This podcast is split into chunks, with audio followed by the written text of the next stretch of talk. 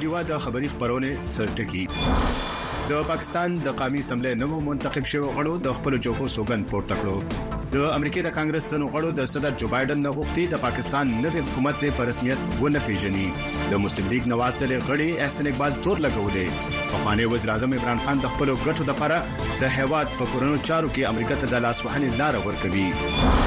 د پاکستان پوز دا وکړي چې د افغانستان پولیس سره نږدې د خیبر پښتونخوا په شمالي وزیرستان ضلع کې د عملیات په ترڅ کې شپږ ترهګر وژل دي د پاکستان غیر دولتي سړنیزې ادارې په خپل وروستي راپور کې ویلي په کال 2022 کې د پاکستان د ننه په ترهګریزو پیښو کې 350 فیصد اضافه شوه د امریکای او طالبانو ترمنځ د دوه تړون نن څلور کال پوره شول دواړو د دې تړون د کلیزې په مناسبت په یو بل تازه تورونه لګولي او وايي چې له دې تړونه یې سرغړونه کړې ده او په بشپړه توګه یې نه دی عملی کړی او د امریکا صدر جو بایدن او پخوانی صدر ډونالد ټرمپ دواړه نن د سیاسي کمپاین په لړ کې د امریکای او مکسیکو پولې ته ورځي مهاجرت تولیدي حق اقتصاد او خارجه پالیسي به په انتخاباتو کې د رای ورکونکو لپاره اهم وي دا و د نن ورځې د خبري خبرونه سرټکی د دې او د نورو تفصيلي رپورټونو لپاره ټیوا سره اوسئ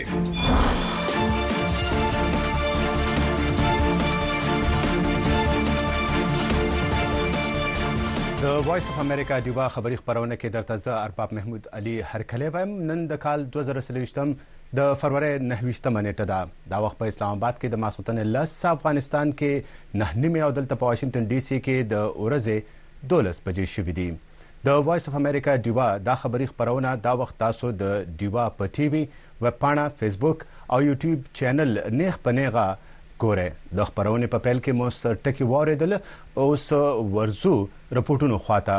ړومبی رپورټ موږ سره د اسلام آباد نه الیاس خان او وقار احمد را لېږلی دی چې د پاکستان قامي اسمبلی نوي منتخب غړو نن د زیارت په ورځ قامي اسمبلی کې د خپلو چوکو سوګند پورته کړو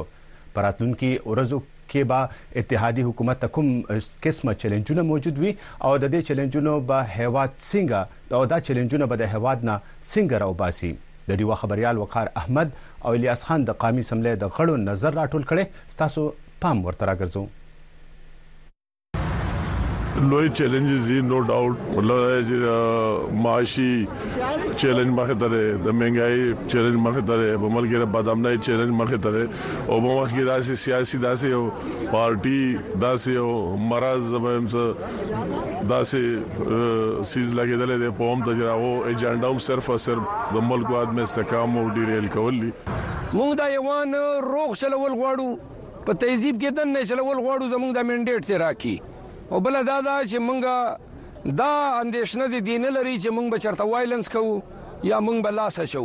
مونږ به د قانوني دایره کې دن نه بخفل جلوس کو احتجاج کو ہمیں وہ مینڈیٹ نہیں ملا جو ہم چاہتے تھے کہ ہمیں ملے مونږ ته هغه مینډیټ نه دی ملاو شوی کم چې زمونږ خیالو خو مونږ سره یو لار هم نه و ک پیپل ګون ائتلافي حکومت سره ملاتړ نه وکړي نو هیواد به دوباره ټاکنو خوا ته تلو او داسې وخت کې دوباره ټاکنې ممکن نه وې. ډېر ګران صورتحال دی موجوده چې تاسو ګورئ چې یو هنګ پارلیمنت دی او څنګه تاسو وې چې سترونګ اپوزیشن دی دوانو طرف ته نمبرو کې لږ فرق دی خو بدقسمتي زمونږه دا ده چې مونږ یو نېشنل انټرست چې کومه عوام سره وعده کوو چې کومه پارټي راځي او چې مونږ عوام د بار کار کوو خو چې دلته راشي نو بیا هغه خپل یو ذاتی مفادات غوندي شي یا یو پارټي په لحاظ باندې شي نو په داسې صورتحال کې واقعي د پاکستان چې کوم هغه مسایل دي نو د غریب عوام مسایل خاص کر هغه بالکل شاته لاړ شي او د خپل پارټي مفادات چې دي مخکې شي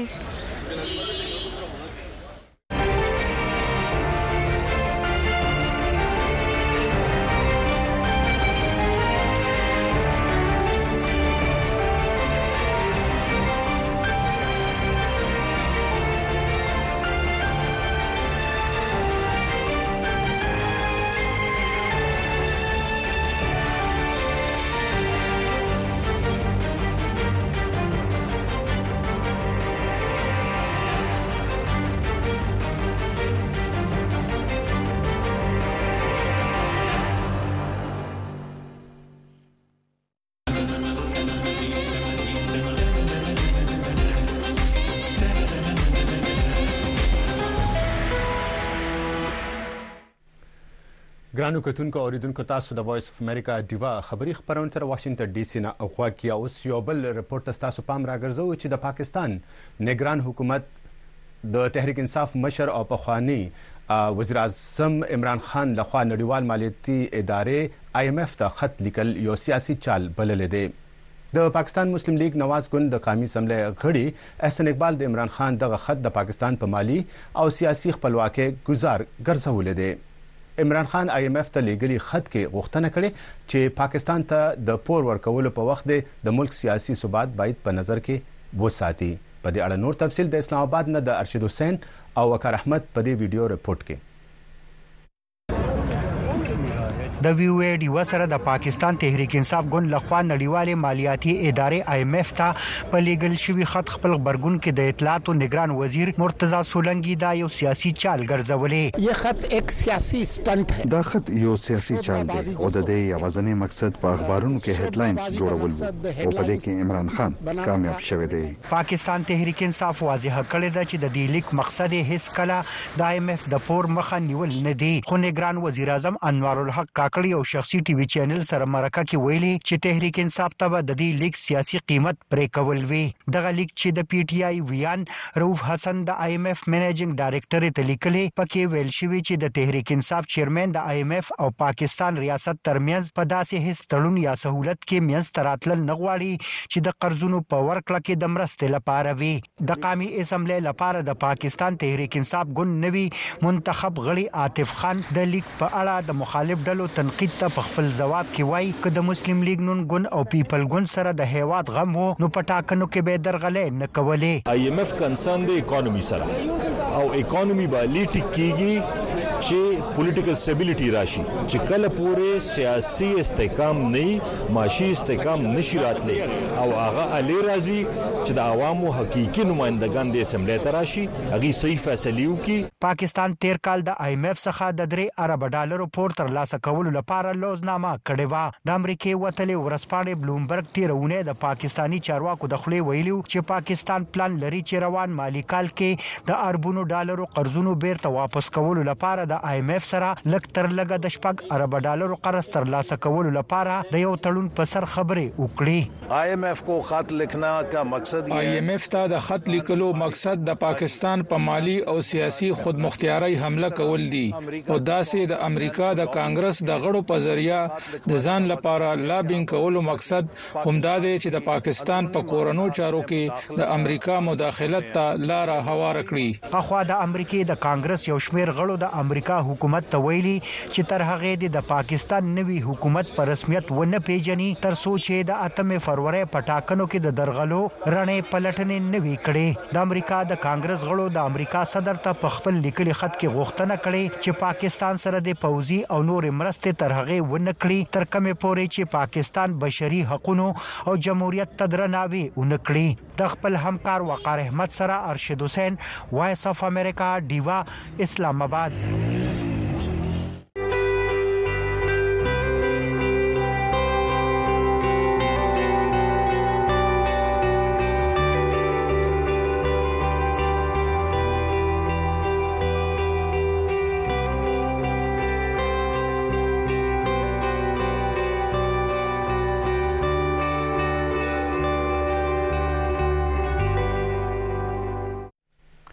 ګران اوریدونکو او کتونکو څنګه چې تاسو د ارشد حسین پر پورت کې وریدل چې د امریکای د کانګرس ځنو غړو د صدر جو بایدن نه په یو لیک کې غوښتنه کړې د پاکستان نوی حکومت دې په رسمیت ونه پېژني تر څو چې د انتخاباتو پلټنې نه وي شوې. په دې خبرې کوو زموږ همکار رحمان بونیری د ویډیو لینک د لارې موږ سره ملګری شوی دی. رحمان بونیری صاحب په خیر راغلی. مهرباني رباب محمود علي صاحب. مننه رحمان بونیری صاحب. د امریکا د ایوان نمایندګان غړي ګریګ کسر سره د نورو ملګرو په یو لیک کې د درغلو د پلټنو پرته د پاکستان د نوي حکومت په رسمیت د نه منلو غوښتنه کړې ده. د دغه لیک په اړه تاسو سره څه تفصیل دی؟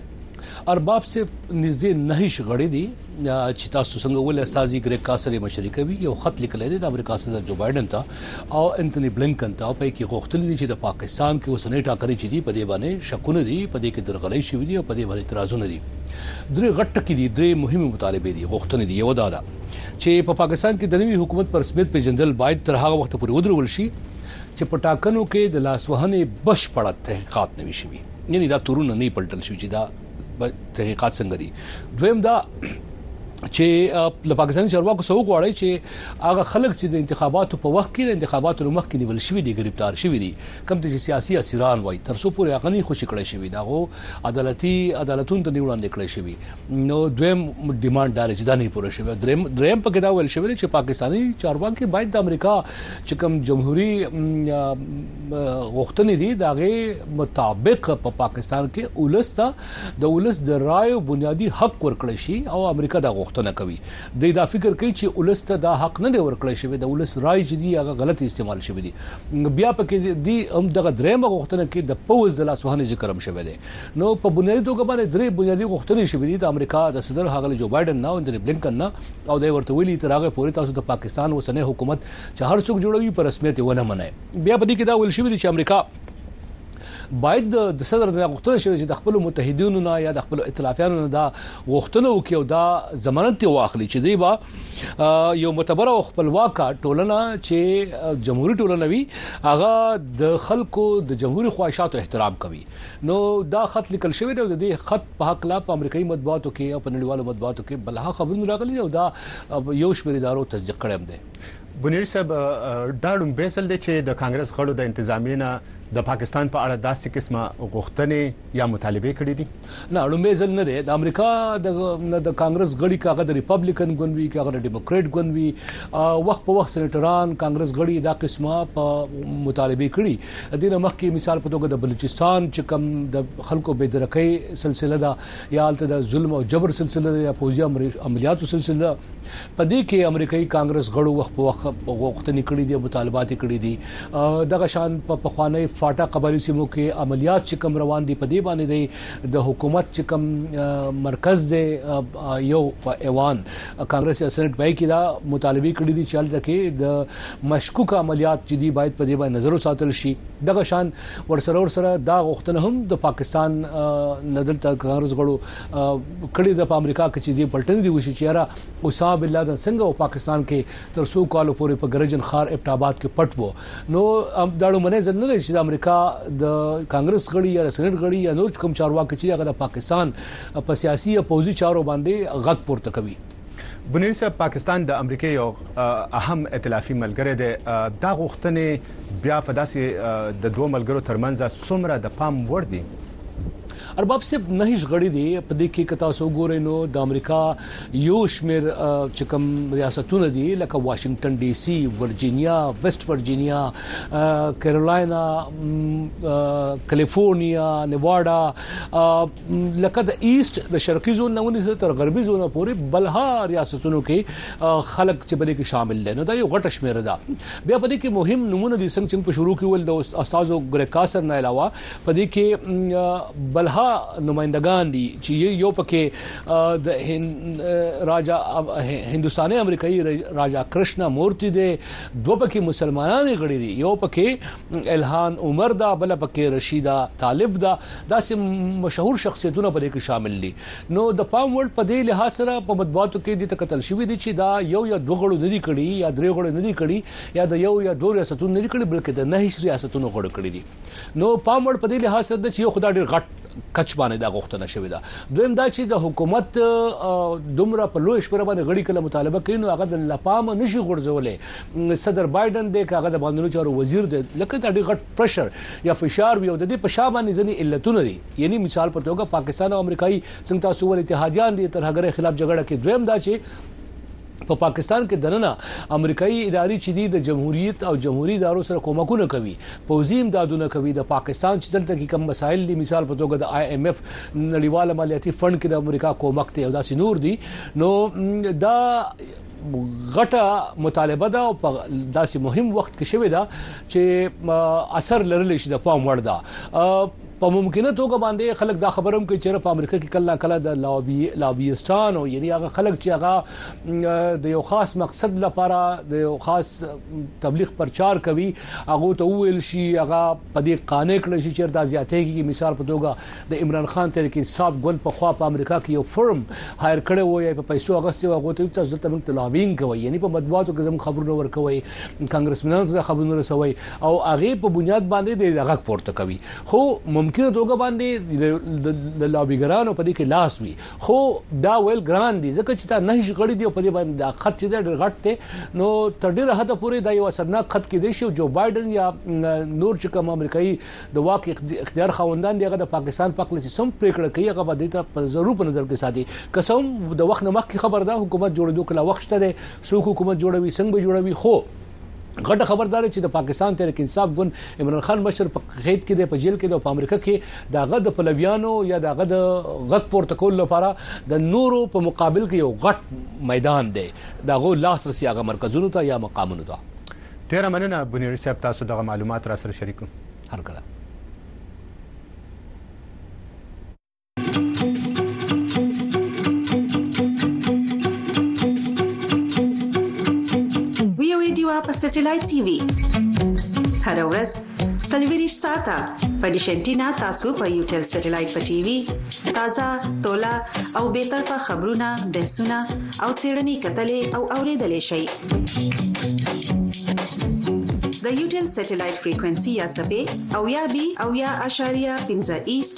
چینل یو سل درې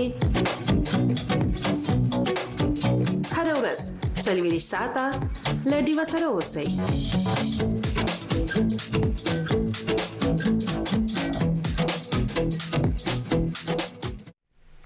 ګران اوریدونکو او کتونکو تاسو د وایس اف امریکا دیوا خبری خبرونه تر واشنگټن ډي سي نه وکه تاسو د پاکستان په کم انتخابات په اتمه فروری شوی په دې حق له رپورټونو ته پام یې تاسو تاسو ته وګه خو دې اوس تاسو بوزو بلوچستان ته چرته چې د بلوچستان اسمبلی نوی ټاکل شوی سپیکر کیپټن ریټایرډ عبدالخالق اسکزی او ډیپټي سپیکر غزاله ګله نن د خپل سوکو سوګند پورته کړی دی د بلوچستان نېشنل ګوند په انتخاباتو کې د درغلۍ د تورونو په سر د سپیکر او ډیپټي سپیکر په ټاکنه کې برخه نه ده اغستې. په دې اړه نور تفصیل له کویټه څخه د ډیوه خبریال حمید سمسور په دې رپورټ کې وړاندې کوي. د بلوچستان اسمبلۍ غونډه د عوامي نېشنل ګوند د غړي زمرک خان اڅکزي په مشري کې وسوله. زمرک خان اڅکزي له نوي ټاکل شوي سپیکر عبدالخالق اڅکزي نوی منتخب شوی ډیپټي سپیکر غزاله ګولې زخه سوګند واخستي په مسلم لیګ نون کې شامل شوی کپټن ریټایر عبدالخالق اڅکزی د بلوچستان اسمبلی سپیکر او د پیپلز پارټي غزاله ګولا د مقابله بغیر د ډیپټي سپیکر په توګه انتخاب شول بلوڅ ملتپاله نېشنل پارټۍ د بلوچستان اسمبلۍ د نننۍ غونډې نه بایکاټ وکړي ډاکټر عبدالمالک بلوڅ ویلي چې دوی د سپیکر او د ډیپټي سپیکر د انتخاباتو بایکاټ کوي او د اسمبلۍ تقدس ته درناوی لري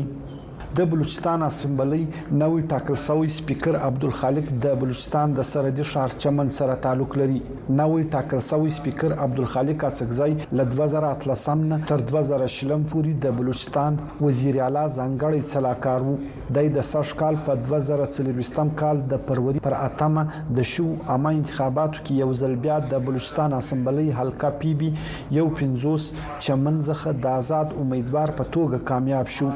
او وروسته یې د مسلم لیګ نون سره یو ځای شو. و بل لور ته بیا د بلوچستان اسمبلۍ نوې ټاکل شوې ډپټي سپیکره غزاله ګوله د پیپلز پارټۍ سره تعلق لري. ډپټي سپیکره غزاله ګوله د بلوچستان او د سند د سرحدي سیمې د صحبتپور اوسېدونکې ده. د پیپلز پارټۍ غړې غزاله ګوله په دوه زره اتم کال کې په لومړي ځل د بلوچستان اسمبلۍ غړې وټاکل شوله او د ښځو د پرمختیا د څانګې مشره وه. په دوه زره څلورویشتم کال کې هم هغه د پیپلز پارټۍ لخوا په ځانګړې څوکۍ د بلوچستان اسمبلۍ غړې یو ځل بیا ټاکل شوې ده. میرے لیے بہت بڑا اعزاز ہے. دا زما د پاره ډیره د ویاړ خبره ده. زه د خپل ګوند ډیره مننه کوم چې زما نوم یې د مرستیال سپیکر د پاره وړاندې کړی. د خپلې صوبې د خلکو سره به په ګډه خدمت کوو. د ښځو په حواله دا وایم چې زه خپله یوه ښځه یم او دا غواړم چې د ښځو څومره کارونه دي هغه به د ښځو د ښېګړې دپاره پر مخ وړم. آګې کی طرف لېکې چلېنګ خواتین کې امپاورمنټ کې دي. خو و بل لور ته بیا د انتخاباتو د نتیجو په ضد باندي احتجاجونه هم روان دي چې د اسمبلۍ غړي یې هم پخلی کوي. هو احتجاج پر خپل ځای صحیح دی، زموږ اسمبلۍ ته راتګ پر خپل ځای صحیح دی، هغو سره داندلي شوې ده، شکه صفا شوې ده. موږ ګواهی ورکولای شو موږ سره هغه مواد ستا هغه شواهد ستا ټاکل شوې ده چې پر روانه غونډه کې د مارچ د میاشتې پر دویمه نیټه به د بلوچستان نوې وزیر اعلی وټاکل شي خو تر اوسه پورې د اعلی وزیر د څوکۍ لپاره نوم نه دی په ډاګه شوی حمید سمسور وی وی ډیوا کوټه د بدلون په وخت کې کله چې نړۍ د غیر یقیني سره مخامخ کاری او کله چې موږ ساورو هغه هغه شان نخ کاری چې څنګه وینو موږ د اړتیا ولټون کوو موږ ته چې کله نیمګړی قصه ویل کیږي موږ په باور بیلو د کڑکېچ په شېبو کې زموږ خوبونه، امیدونه او د غوره سباوند لپاره زموږ ارزوګانې ازادې میډیا ته اړتیا لري. په وایس اف امریکا کې موږ تاسو ته داسې خبرونه راوړو چې د کتلو لپاره خلک د خطر سره مخامخ کوي. موږ نړۍ سره یو ځای کوو او رښتیا سره پیوست کوو.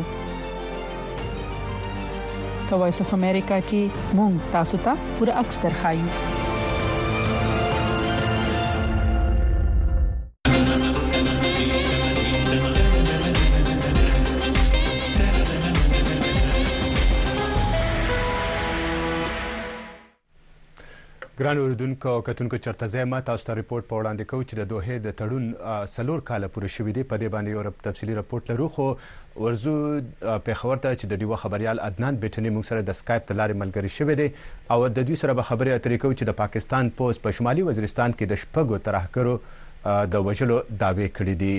د دې او په سیمه کې د امنیت په اړه به د عدنان بیټنی سره خبرې اترې کوو عدنان بیټنی سره په خیر راغلی ستړي مشه مهرباني ارباب صیب. عدنان پېټوني صاحب د پاکستان پوځ د رستونۍ دعوې په اړه تاسو سره څه تفصیلات دي؟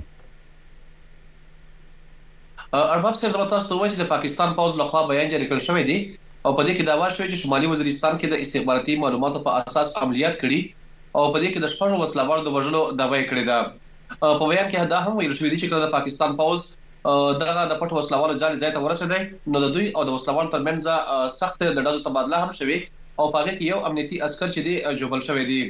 تاسو ته به دا ووایم چې په دغه بیان کې چې کوم د پوځ له خوا دعوا شوې چې شپږ وسله وال وژل شوي دي د دې پېژندګلو هم نه ښکاره کړی شوې او نه دا ویل شوي چې د دې تړاو د کومې وسله والې ډلې سره دی خو د پوځ په بیان کې ویل شوي چې د دوی له ولکې څخه جدي وسلې هم ترلاسه شوې او دی په وروستیو کې په امنیتي عسکرو او د عامو خلکو په وژنه کې ککړ او د ناامنۍ په نورو پیښو کې هم ککړ پاتې شوي دي. خو زه به تاسو دا ووایم چې شمالي وزیرستان هغه سیمه ده چېرته چې د پاکستان پوځ لس کاله وړاندې ضرب عضب عملیات کړي او دا سیمې پاکې د هر قسمه ناامنۍ څخه پاکې ګرځول شوي دي خو تیره اونۍ ځایي خلکو او په خپله حکومتي چارواکو هم ویلي وو چې میرعلي بازار کې نږدې څلوېښت پورې وسله وال راغلي وو او د علاقې چې کوم واک دی یا بازار چې کوم واک دی دا وسله والو طالبانو چې ورسره د تحریک طالبان پاکستان بیرغونه وو او دی په خپله ولکه کې اخیستی وو په خپله باندې تر اوسه پورې فوج یا پولیس د څه بیان نه دی ورکړی او نه په دغه پیښه کې د چا د گرفتارۍ یا نیولو څه خبر بیا راغلی دی عدنان بټنی صاحب د پاکستان غیر دولتي ادارې ویلي دي چې په تیر کال کې د پاکستان دننه او په خاص توګه خیبر پښتونخوا او بلوچستان کې د تشدد په پیښو کې د پنځوس فیصده نه هم زیاته اضافه شوې ده. د دغه ډله ییزه یعنی د یو ډلې پوره یو ګروپ په شکل کې چې خلک راشي او برید وکړي، حمله وکړي یا شخصي، په دې هکله څېړونکي او عام خلک څه وایي؟ ارباب صاحب یوخبر تاسو دا ووایي چې دغه علاقې چې دلته ناامنۍ پېښې زیاتې چټک شوې دي او زیاتره بریدونه چې دي په امنیتي عسکرو ترسره شوي دي خو ورسره عامو خلکو ته هم پکې مرګ ژوبلې اوښتې نن هم په لکي مروت چې کوم بیټني سب ډویژن دی په دغه سیمه کښې د یو تنکي ځوان مړی په داسې حال موندل شوی چې د هغه سر له تن څخه بېل کړی شوی دی او کورنۍ وایي چې دغه کس په پولیو کې ورکر هم و دغه سه د بنو پولیس وایي چې په پولیسو یو حمله شوې په چوکۍ باندې او په دې بکه یو پولیس عسكر چې دی هغه وجل شوی دی خو بل طرف ته دغه نامنې پیښې زیات چټک شوې دي په خپل باندې چې دلته کم څړونکو دي هغه هم پوښتنه راپورته کوي چې د پاکستان فوج ستیر شلو کالو راځي د نامنې پر خلاف بوخت دي او دعوه کوي چې دغه علاقه د هر قسمه نا امنۍ څخه پاکه کړل شوې ده او داسې قسمه خلک راوتل نو دا داسې ښکاري چې بیا یو الرټ ورکول دي او دغه ښکاره کول دي چې دغه وسله وال طالبان چې پاکستان پوځ وخت په وخت دغه دعوه لري چې دا د پولې پورې غاړې په افغانستان کې دې مضبوطې جالې لري خو د دې نه دې دغه پیغام ورکړو چې دغه نه یوازې په افغانستان کې بلکې په پاکستان کې دنه دې مضبوط نیټ ورک هم دې او دی کولی شی چی دلته خپل پیرلل حکومتونه یا دی خپل کنټرول یا کابو وساتی او همدی سره چی کوم ځایی خلک دی بیا په هغو کی یوه ویره خپره شوی ده خصوصا په ټانک علاقه کښی ځنی داسی راپورټونه راځی چی هلته خلک د علاقی پرښولو باندی مجبور شوی دی په شمالی او دغه جنوبی وزیرستان یا په سوات کی زموږ وخت په وخت کتلی او دی چی دی دغه ناامنی پر خلاف شعارونه ورکوی او دا وایی چی تیرو شلو کالو راسی دوی د نور پاکستان په څیر عادی ژوند نه کوی. خو دلته بیا ځینې خلک چې د دې تور چې د پاکستان پوځ او په ادارو پورې کوي او دا وايي چې د دې ناامنۍ ناامنۍ تر شا د دوی لاس دی خو په خپله پوځ بیا دغه تورونه رد کړي دي او دا یې ویلي دي چې د دې ناامنۍ پر خلاف ژمن دي او دوی ته چې کله هم د وسله والو د موجودګۍ اطلاع تر لاسه کیږي نو دوی هغې پر ضد چې دي وسله چې کوم عملیات دي هغه تر سره کوي او تر څو پورې چې دلته د دغسې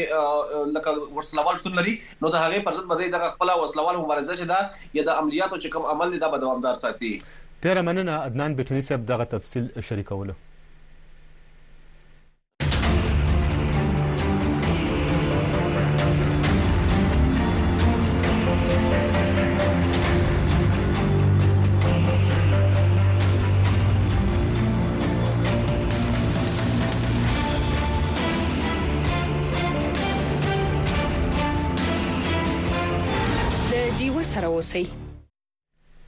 ګران اوریدونکو او کتونکو تاسو د وایس اف امریکا دیوا خبری خبرونه ته د واشنگټن ډي سي نه غوږ کی او سرازو د امریکای او د طالبانو ترمنځ د دوه د تړون په حق له یو رپورت ته تاسو پام راګرځو چې د دوه د تړون د لاسلیک څلور کاله پوره کېدو په درشل کې په افغانستان کې د امریکا د سفارت په خوانه مرستياله اني فورز فورزایمر د امریکا غږ سره په مرکه کې وویل چې د دوحې د تړون څخه مخکې دا روښانه وه چې طالبان بشري حقونو او د مېرمنو حقونو ته درناوی نه کوي. مېرمن وايي چې دا ثابته شوې ده چې د مېرمنو په اړه سخت دریځ د ترهګرو سازمانونو د استخدام د تکنیک یوه برخه ده او د مېرمنو پر وړاندې کرکه د دې سازمانونو یوه بله ځانګړتیا ده. د امریکا د غږ خبریال واحد فیضي تفصیل په دې راپورټ کې وړاندې کوي.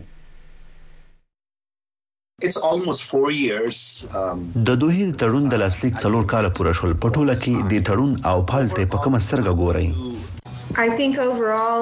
په ټوله کې موږ پوهیږو چې دا یو تر ټولو ناوړه تړون و چې متحده ایالاتو یې په اړه مذاکرات وکړل او لاسلیک یې کړ. زه په دې باور یم چې دا تړون باید په رسمي توګه لغوه شي، په بله مانا موږ یې باید څیرې کړو.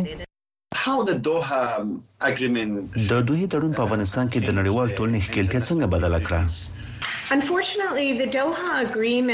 په خواشینۍ سره د دوحې تړون د هغې نظریې پر بنسټ ولاړ و چې بین الافغاني مذاکرات به ترسره کیږي او په یو ډول نړیوال تضمین و چې طالبان به پر هیواد نه واکمن کیږي خو تاسو ولیدل چې څه وشول له مناسب وخت څخه مخکې ځواکونه ووتل 15000 بندیان خوشې شول چې اکثره یې د طالبانو مهم غړي وو پویږي دا په یو ډول د طالبانو لپاره اخلاقی بریا و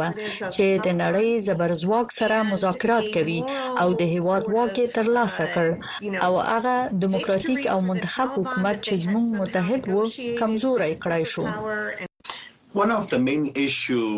په افغانستان کې یو تر ټولو مهمه مسئله بشري حقونه دي. د دوحې په تړون کې د مېرمنو په اړه په مشخصه توګه څه ویل شوي نه دي. د مېرمنو د حقونو فعالان وايي چې د دوی اندېښنې په پام کې نیول شوې نه دي، نو ځکه طالبان بشري حقونو ته درناوی نه کوي. په اړه یې ستاسو نظر څه دی؟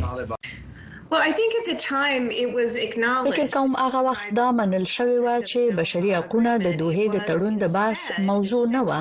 پر ځای یې د متحده ایالاتو لپاره د وتلو مهال ویش و. هغه کسان چې د دوحې په تړون کې ښکیل وو، بشري حقونو ته یې لومړیتوب ورنه کړ. هغوی داسې فکر کاوه چې بین الافغاني مذاکراتو کې به بشري حقونه وساتل شي، خو موږ ولیدل طالبان چې د افغانستان په کومو سیمو کې حاکم وو، ډېره روښانه وه چې هېڅ اراده یې نه درلودله چې نړیوالو بشري حقونو ته درناوی وکړي. د دوحې په مذاکراتو کې د طالبانو په مذاکراتي ټیم کې هېڅ کومه مېرمن نه وه، ایا فکر کوئ ان طالبان د مېرمنو حضور ته ارزښت نه ورکاوه او دا په نولس سوه نوي کلونو کې بېرته د طالبانو راستنېدو نښه وګڼل شي؟ که څه هم په عام محضر کې د طالبانو ځینې غړي د مېرمنو د حقونو خوندي کولو په اړه ژمنې کوي، فکر نه کوم څوک پر دې ژمنو باور وکړي او زه دا تصور هم نه کوم چې د مذاکراتو پر میز به د طالبانو میرمنې څه ډول ښکاره کیدی. هغوی به اجازه نه درلودله چې څه ووایي او خپل مخ ښکاره کړي. نو د مذاکراتو پر میز د هغه چا شتون چې په افغانستان کې د میرمنو په څیر په اغیزناکه توګه خاموشه کړای شوي دي، د طالبانو د اصلي څیرې د ښکاره کولو پرته به بل څه ونه ښيي. د دوحې تړون څخه مخکې یو شمېر کسانو باور درلود چې طالبان بدل شوي دي، هغوی به بشري حقونو او د مېرمنو حقونو ته درناوی کوي، خو ځینې کسان وايي چې دا رښتیا نه وه، ولې متحده ایالاتو داسې یو دریځ غوره کړ او له طالبانو سره یې د دوحې تړون لاسلیک کړ؟ په صادقانه توګه زه نه پوهیږم. زه هغه وخت د متحده ایالاتو د حکومت غړی نه وم.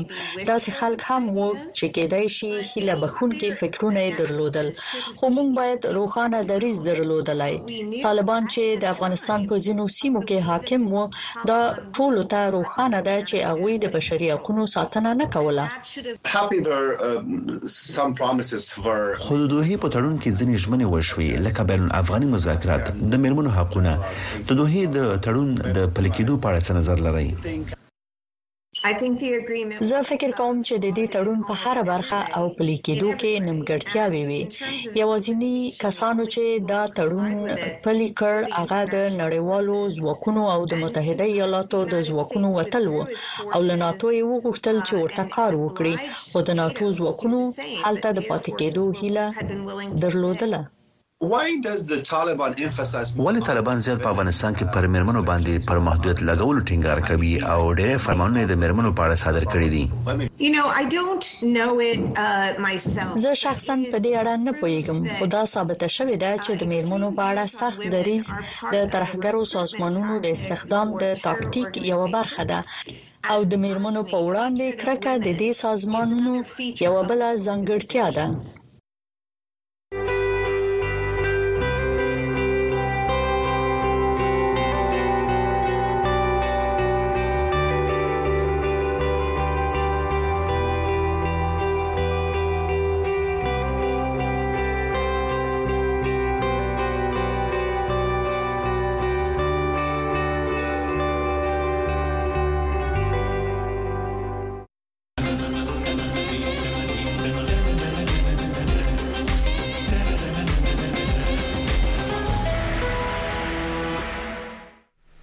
خبره کېږي د افغانستان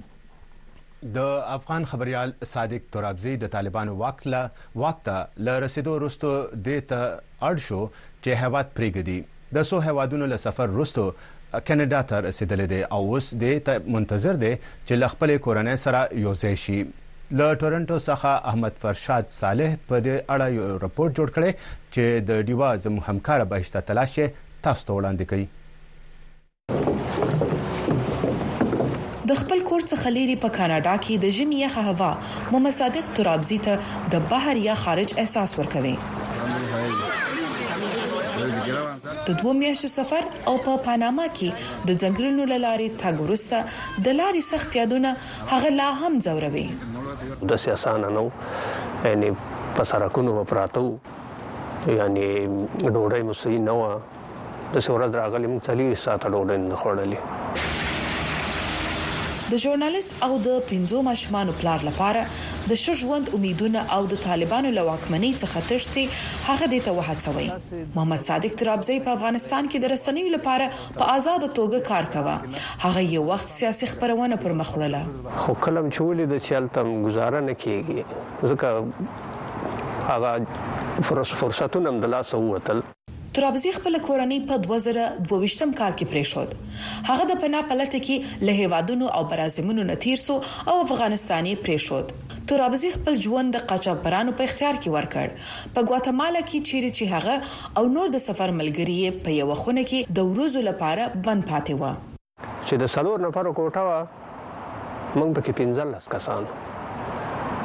نو پنځلس کسان په یو کوټه کې چې هغه کې تشناب ومي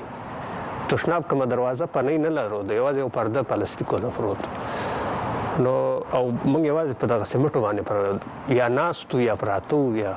کاندیدان ترابزي د امریکا د سویلي پولې له تیریدو وروسته کله چې د ټورنټو په لور حرکت وکړي د څو ورځو لپاره دم سو کاناډا هغه ګټي وړاندې کوي چې ډیری پناه غوښتونکي یې د امریکا پر ځای د خپل منزل په توګه انتخابوي. تصریح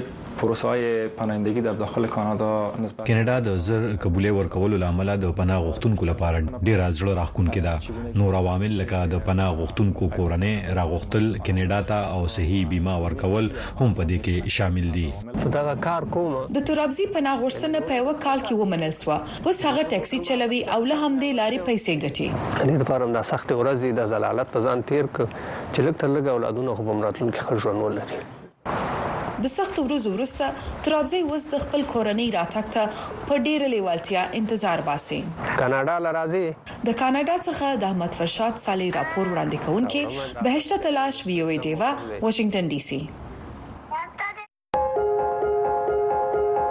زما دا پوخ یقین و چې په ازادۍ او مرګ کې به ځانته یوه لار خوښوم، ماته پته وه چې که زه ځان د یو نه بیلوم،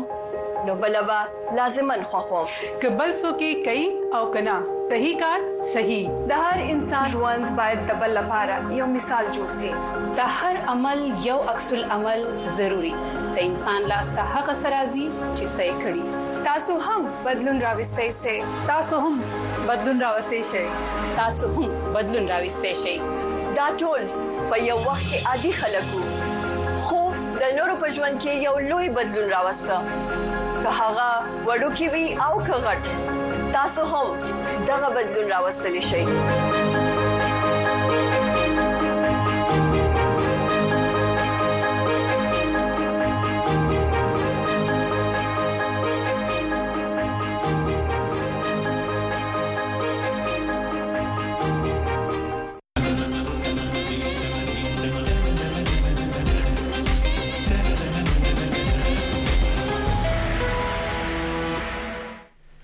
ګران اوریدونکو او کتونکو تاسو پام راګرځو د امریکا سیاست ته د وخت د امریکا صدر جو بایدن او پخوانی صدر ډونالډ ټرمپ دواړه نن د سیاسي کمپاین په لړ کې د امریکې او مکسیکو پولې ته ورځي.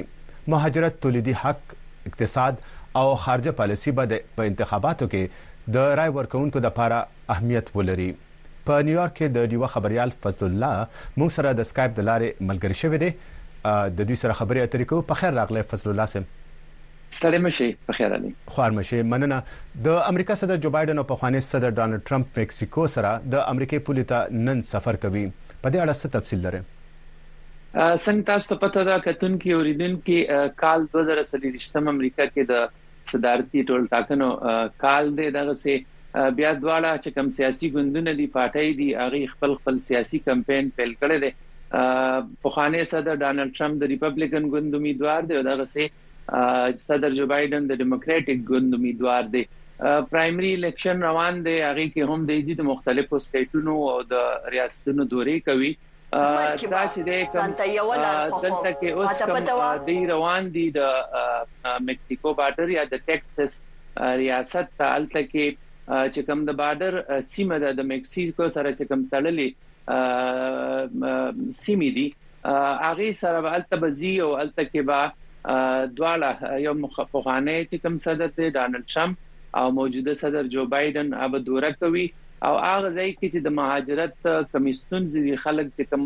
ملکونو ناراضي د مکسیکو نه مهاجرین چې راځي الته کې چې کوم د بارډر چې کوم حکام دي چارواکي دي دا غي سره خبرې اترې کوي او دغسې چې هلته خلکو ته کومې ستونزې دي یا په دغه اړه باندې به د مهاجرت چې کوم قانون دی یا پالیسي د پاغه باندې باغه خپل بیان ورکوي خپل سټیټمنټ ورکوي چې پراتلونکي کې به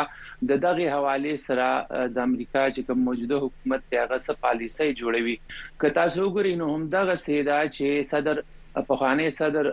ډانلډ ټرمپ چې هغه هم په دغه لړ کې به دوره کوي او هغه د مهاجرت په حواله سره چې کوم موجوده حکومت ته د هغه په قانون سازي باندې بنیوکي کوي دا یو بنیادی ستونزه ده مهاجرت یا د دې حواله سره قانون سازي که تاسو ګورئ نو په سېنات کې هم په دې باندې خبرې اترې شوې دي په کانګرس کې هم خبرې اترې شوې دي او د ریپابلیکن ګوند چې کوم امیدوار دی جوبایډن ساري د ډانلډ ټرمپ هغه په موجوده حکومت حواله سره چې کینګم بای پارټیشن بل په سېنات کې وړاندې شو نو هغه کې چې دنو د ټولنا غټ خرند یا رکاوټ چې دنو هغه هم ریپبلیکن دی دغه سي کتا سو ګوري نو موجوده حکومت د ایمګریشن حواله سره چې کوم بل پاس کوو نو هغه کې چې دی هغه غي سېنات کې روان دي کړو خو په هغې باندې د ریپبلکن ګوند له خوا ډېرې نیوکې شوې دي نو په هغې لا څه فیصله نه ده شوې. دغه دوره هم د دوی د دې مهاجرت د قانون او هلته چې کومې ستونزې د خلکو ته راپېښې دي په دې باندې به خبرې اترې کېږي او یوه خپل دریځ وړاندې کوي. څنګه چې تاسو وایئ د ریپبلکن ګوند ممکنه امیدوار او د هغې لپاره د امیدوارۍ ترلاسه کولو لپاره کم زغل دی په هغه کې د ټول نو وړاندې ډونالد ټرمپ دی به هم سفر کوي مکسیکو ته د امریکا په انتخاباتو کې د رای ورکونکو لپاره دا ځل کومې چارې ډېر اهمیت لري که تاسو وګورئ کنه امریکا خارجه پالیسی په خپل ځای خو د امریکا په انتخاباتو کې چې د نو بیا چې کوم د داخلي چارو کوم ستونزې دي کوم غټ غټ خلکو ته مسلې را پیخې دي پاغه کې کتا سوګوري نو نن وخت د کله چې د کووډ وبا شروع شوه دا غي نه رستو امریکا اقتصاد کتا سوګوري نو د ډېر ستونزو سره مخ ته دلته انفلیشن یا ګرامي چې د نو هغه شره هم زیاته شوې ده دلته د ټیکس چې کم شره ده هغه هم سیوا شوې ده، مارټګیج یا هغه څه د شرعي سود چې دی هغې کې هم زیاتوالی راغلی دی، بېروزګاري چې کوم کچه ده هغه هم سیوا شوې ده، نو په دې انتخاباتو کې که تاسو وګورئ نو دواړه چې کوم کاندیدان دي د موجوده حکومت او بیا پخوانی صدر د دواړو پارټو لپاره دا ستونزې دي چې دوی به خلکو ته ځي، هغوی ته به خپل پروګرامونه وړاندې کوي، او د کوم عوامي مسایل چې دي په هغه کې دغه دی تاسو ته ما ویل چې بیروزګاری ده ګرانی ده بیا د صحت چې کوم ستونزې دي د تولیدي نظام یا د اسقاط حمل په حواله باندې دا یو ډیر غټه ستونزه دلته کې ګړل کیږي پاغي باندې به چې دینو دواړه ګوندونه د هغه کاندیدان په خپل دریز وړاندې کوي او دغه چې کوم عوامي ستونزې دي د داخلي چارو چې کوم ستونزې دي نو په دې انتخاباتو کې یا د امریکا په انتخاباتو کې هغه ډیر مهم کردار لري دلته خلک په خارجه پالیسۍ باندې کم خو په داخله چې کم پالیسۍ دي د خلکو د سهولیاتو هغه ته د اسانتیاو ورکولو د ټیکس په شرکه د تعلیم او دغه څه د صحت په معاملې باندې دلته کې دغه ډیبیټ کیږي پروګرامونه کیږي دواړه ګوندونه کاندیدان چې دي هغه د خلکو ته د اسانتیا او حوالو سره د نوې پالیسو حوالو سره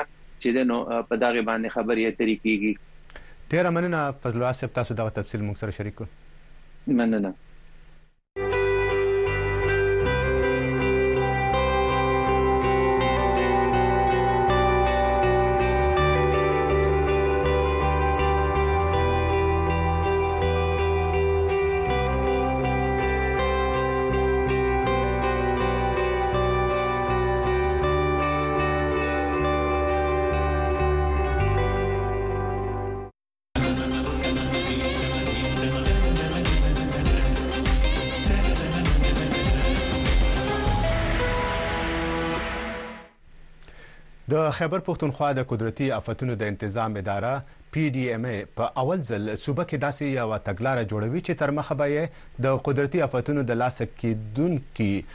ځاني او مالي زیانونه کم وساتل شي. چارواکي وایي د دغه تګلارې جوړولو مقصد د څه قسمه ممکنه قدرتي افتونو لپاره ځان د وړاندې نه تیارول دي. په دې اړه نور تفصیل د پېښور نه د ډیوه د خبریال فرید شینواري په رپوټ کې.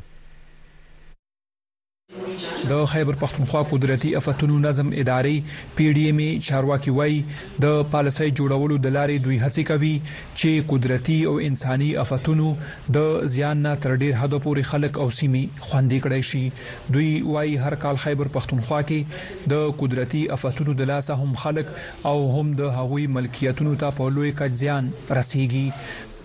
لیکن له موږ سره یو داسې پالیسی نه ول چې هغه ګایډ لاینز له موږ سره نه ول چې موږ په هغه باندې خپل هغه ریسپانس جوړ کو لیکن دغه پالیسی په وجه باندې بل موږ سره دارنګ یو ډاکومېنټ موجود وي چې هغه یو بلو پرینټ کار وکړي او په هغه باندې بل موږ سره ګایډ لاینز وي په هغه باندې موږ پالیسی جوړو او په دغه پالیسیز کې به نه صرف موږ ګورنمنت سټیک هولډرز انکلوډ کو ان جی اوز به انکلوډ کو بلکې کم خلک چې ډایرکټلی هټ کیږي په کم ډیزاستر باندې هغه خلک کمیونټي چې وي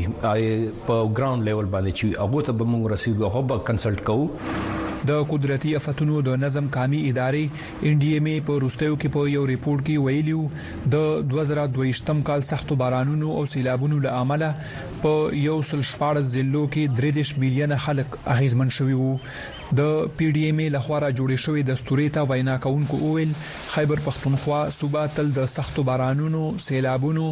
بادونو، ځمکې ښویدنې، درنې واورې او نورو افتونو د اغېزو ته ورمخامخ ده او دې د لاسه ورته ځاني او مالي زیان رسېدلی دی.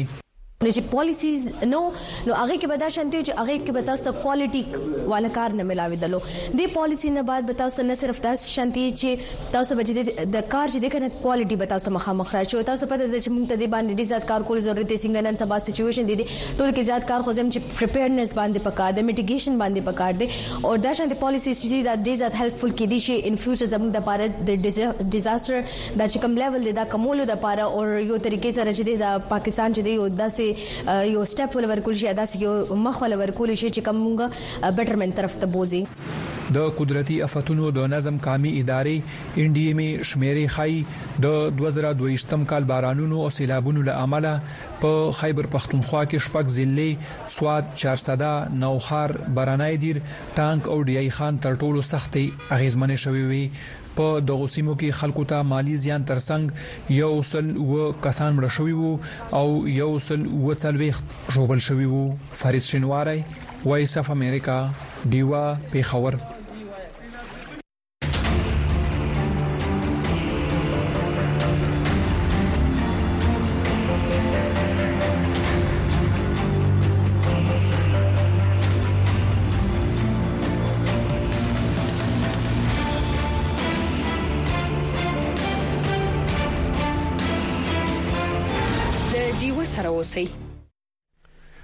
د بلوچستان د سرحدي سیمې ژوب روغتيايي چارواکي وایي په یو قبایلی ټولنه کې د پولیو ضد کمپاینونو کې غټ چیلنج د میرمنو لپاره وي خو دوی بیا هم د کمو وسایلو او د ډېرو چیلنجونو سربېره تر ماشومانو د پولیو ضد قطرې رسوي. د وایس اف امریکا ډیوا خبریال رفیع الله مندوخېل نور تفصیل په دې راپورټ کې وړاندې کوي. د ژوب سیمې د صحت محکمې ډي ایچ او وي او ډیوا ته وایي چې ژوب له افغانستان او جنوبي وزیرستان سره پر پوله پرته سیمه ده چیرې چې د کډوالو ترڅنګ زرګونه نور ماشومان د خیبر پښتونخوا، پنجاب او کوټې ترمنځ له همدې لارې سفر کوي. نوموړی زیاتوي چې په کمپېن کې په فرنټ لاین کارکوونکو کې تر ټولو لوی چېلنج په یوه قبایلي ټولنه کې د مېرمنو لپاره دی، خو دوی بیا هم هوډ کړی چې د پولیو وایرس له صوبې او پاکستان نه ختم کړي. څلور اویا زره څلور سوه پنځه دېرش به ټارګېټ دی، دا بارډرنګ علاقه ده، موږ له افغانستان سره یو، بارډرنګ له ډېرسوال خان سره ده، شېراني سره ده، نو نو مرچ دی په زمي سي دی هغه افغانستان له خوا راځي په پنجاب خیبر پښتونخوا د ګرمو علاقو ته ځي نو بیرته بیا چې واپسی منه دی راځي په هغه په ګرمۍ کې بیرته راځي ور افغانستان خوا ته ځي چې کومې لارې دغه زموږ په مې پر زموږ په دغه کې ستا موږ خاص کر فرنټ لاین ورکر د لپاره چې نجس کوستا خو د ګړدو غټ فیمیل ټیمان د پره د غسته چیلنجز ډیر زیات دي هغه وجه دا ده چې موږ قبایلی علاقه ده د ژوب او کوټې ترمنځ پر غځېدلې لویه لاره جوړ د ویکسین پر ټرانزیټ مرکز پولیو کارکوونکي وایي چې هره ورځ سلګونه ماشومانو ته د پولیو ضد قطرې ورکوي. کارکوونکي زیاتوي، هر هغه ماشوم چې په کمپین کې له قطرو پاتې شوی وي، پر ټرانزیټ مرکز ویکسین کېږي. له دې لارې د لویو ښارونو ماشومان تېرېږي. دا د کوټې ناکه د محمد علي پمپ دلته تقریبا د ورځې په زراو ګاډیانې تراړي په دغه هغه کښنیان هم سي چاته پولیو نه ورکول شوی تر 50 کلو پورې کم کښنیان راځي موږ دلته کور کو دلته تقریبا اکثره خلک له کوټې له کراچۍ ځه له اسلام آباد ځه له دی خانه او له ملتانه دا نېشنل هایوي روډ دی پلیس له موږ سره دا تاونې دی خواران سهار وختي راسي پر دا ناکه ولاړې موږ ته ګاډیانې را درې کم کوچنی نه یې سوي هغه په پولیو کې کور کو او کم سوي هغه پرېږدو پر مخ باندې ژوب د بلوچستان سرحدي ضلع ده چې په شمال کې یې جنوبي وزیرستان په شمال لویدیځ کې افغانستان په ختیځ کې یې ډیره اسماعیل خان سیمې پرتې دي دا سیمه د افغان سرحدي سیمو او د پنجاب د میداني سیمو ترمنځ د کوچېدونکو کډوالو مهمه لار ده رفیع الله مندوخېل په سوپ امریکا ډیوه ږوب.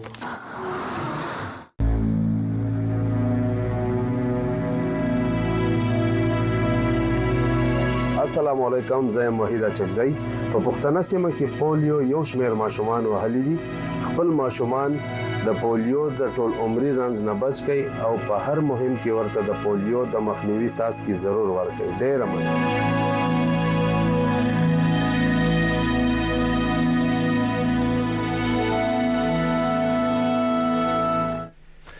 ګران اوریدونکو او کتونکو تاسو د وایس اف امریکا دیوا خبری خبرونه تر واشنگټن ډي سي نه خوږ کې د خوراک او کروندګرو ته داسې ذرایع او داسې لارې ښودل دي چې د روایتي فصلونو په ځای باندې داسې فصلونه او داسې شیان وکري چې ځان له خپل امدن سیواش کړي. خریړي هم داسې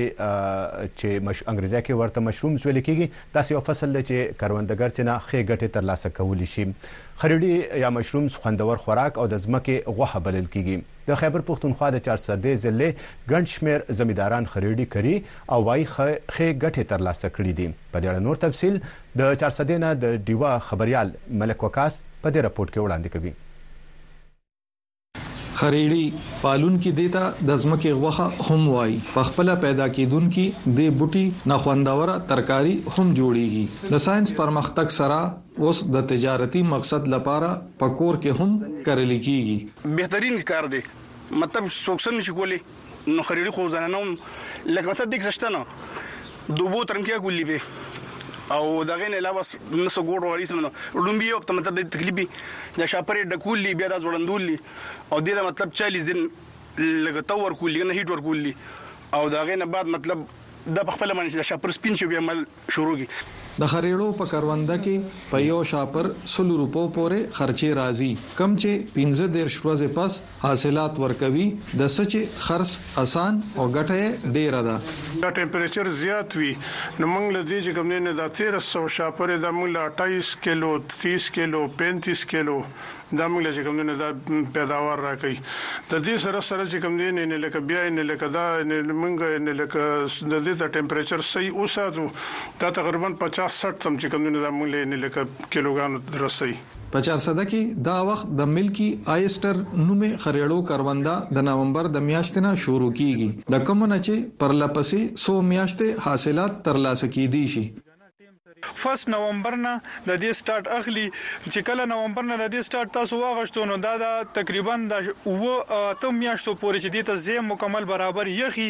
او نمی ورته برابري ټمپریچر دې ته برابري نو دا تاسو له اوه اته میاشتې چې دا تاسو له خو ښکلې فیداوار درکوي د زراعت پوهان وايي، خرېړي نه یوازې صحتمند او خوندور خوراک دی، بلکې که کښت یې د کاروبار په توګه پل کړی شي، نو ډېر ګټه ترې هم ترلاسه کېدی شي. ملک وقاص، وایس اف امریکا، ډیوه، چارسده.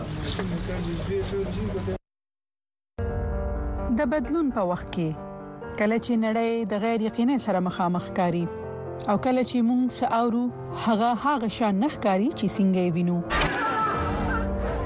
موږ د اړتیا ولټون کوو موږ ته چې کله نیمګړی قصه ویل کیږي موږ پر باور بیلو د کڑکېچ په شېبو کې زموږ خوبونه، امیدونه او د غوره سباوند لپاره زموږ ارزوګانې ازادې میډیا ته اړتیا لري. په وایس اف امریکا کې موږ تاسو ته داسې خبرونه راوړو چې د کتلو لپاره خلک د خطر سره مخامخ کوي. موږ نړۍ سره یو ځای کوو او رښتیا سره یې پیوست کوو. په وایس اف امریکا کې مونږ تاسو ته پوره عکس درخایو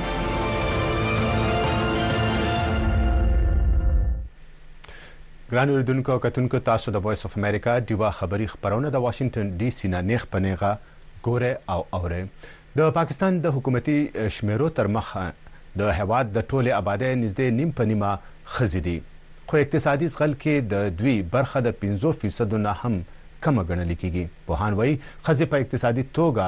بااختیاره کېدلو لپاره حکومتي منصوبو ته اړتیا لري. په دې اړه نور تفصیل د پېښور نه د ډیوه خبریالان مدثر شاه او هاشم علي په دې رپورټ کې وړاندې کوي. پښتنې پیغلې ماریا بنګشپا د زنانو د جامو ډیزاینونه شوقیه جوړول او دغه تصویرونه په ټولنیزو رسنیو خپرول خلکو هغه خوښ کړل او دې ته په بیا د نورو جامو ډیزاینونو جوړولو فرمایشونه وکړل دا زما شوق و چې زه خپل خاندان د پاره کور والا د پاره ډیزاینونه جوړ کما هغه به بهر و نغیله ما ډیزاینونه جوړول دې سره زما شوق پیدا شول او دا یو کاروبار په شکل کې راغللو ما به چې هغې ته کوم ډیزاین هم جوړولو هغه به ما انلاین اپلوډ کولو په انسټاګرام کې. ماریا بنګش وايي، فرمایشونه چې ډېر شول نو دوه زره نولسم کې د پېښور یو کاروباري مرکز کې وړوکی غوندې دوکان پرانیستو، نوموړې ډیوه ته وویل، ډومبیا خو یې د کورنۍ غړو مخالفت وکړو او بیا دوکان کې هم مشکلاتو سره مخ وه خو حوصله یې په ځای وساتله، وايي اوس پنځه کاله پسې کاروبار نور پراخ شوی دی. پوهان وايي د نورو ټولنو په څېر پاکستان کې هم مېرمنې د آبادۍ نیمایي دي خو معاشي زغل کې د دوی برخه د پنځو فیصدو نه هم کمه ده. کومې مېرمنې چې چرته ملازمتونو کې بوختې دي هغه فقط یا خو د صحت او یا د تعلیم څانګې کې دي. دوی وايي وخت راغلی دی چې په سرکاري او غیر سرکاري دواړو کچو د مېرمنو لپاره داسې پروګرامونه شروع کړی شي چې دوی د خیراتونو په ځای په خپلو پښو ودرېږي. ډېر کورنۍ داسې دي چې الته کې چې کوم دی د هغوی په کور کې میل ممبر د ګټنې نشته نو چې نشته نو بیا د هغوی په معاشره کې ډېر زیات قسمه قسم ایکسپلایټیشن چې کوم دی کنه هغه په اسانه کې دي نو کوم هغه په معاشي تور په خپل خپل ودرو داسې خزه او هغه لپاره موږ داسې پروګرامونه شروع کړو زم چې دا ډېر غټ بدلون راولي او ډېر غټ د خزو د معاشي ایمپاورمنټ لپاره دا یو ډیره زیاته ضروري خبره ده. پاکستان کې دوه زره اتم نه په مالي لحاظ کمزوره کورنو سره د مرستې بې نظیر انکم سپورټ پروګرام شروع شوی دی چې د حکومتي شمیرو تر مخې نهه اعشاریه دریو میلیونو کورنو سره د نغدو پیسو مرسته کوي خو پوهان وايي اقتصادي پرمختګ کې د دغو مرستو کردار ډیر کمزوری دی دوی وايي داسې پروګرامونو ته ضرورت دی چې د مېرمنو ابدن کې د اضافې سبب وګرځي. خو ظاهري خبره چې پېسې ګټې نو تاسو نه د خلکو اميدونه زيات شي چې مونږ د پاره به دا څه نا څه کوي زه خپلې مور سره ټول هيلپ مدد کوم چې کور يې زمونږ ورونو سره زه کوم زما ټول ورونه اوس په دې کاروبار اخته دي ټول ځان له انلاين پېجونه راځي دلته ويډيوګانې جوړوي اپلوډ کوي زما د تره بچي زما د تره لور دی هغه ما این جی او سره واچوله. ماریا بنګس زیاتوي، اوس د دې کورنۍ ژوند د تېر په مقابله کې ډېر ښه شوی دی، دغه شان دې سره تر پنځوسو پورې هلکان او جینکۍ په روزګار شوي دي، وايي، دغو کسانو کې اوس ځینو خپل کاروبارونه هم شروع کړي دي او ځان سره یې نور څلور شپږ تنان هم اغستي دي. د همکار هاشم علي سره مدثر شاه وایس اف امریکا ډیوه پېښور.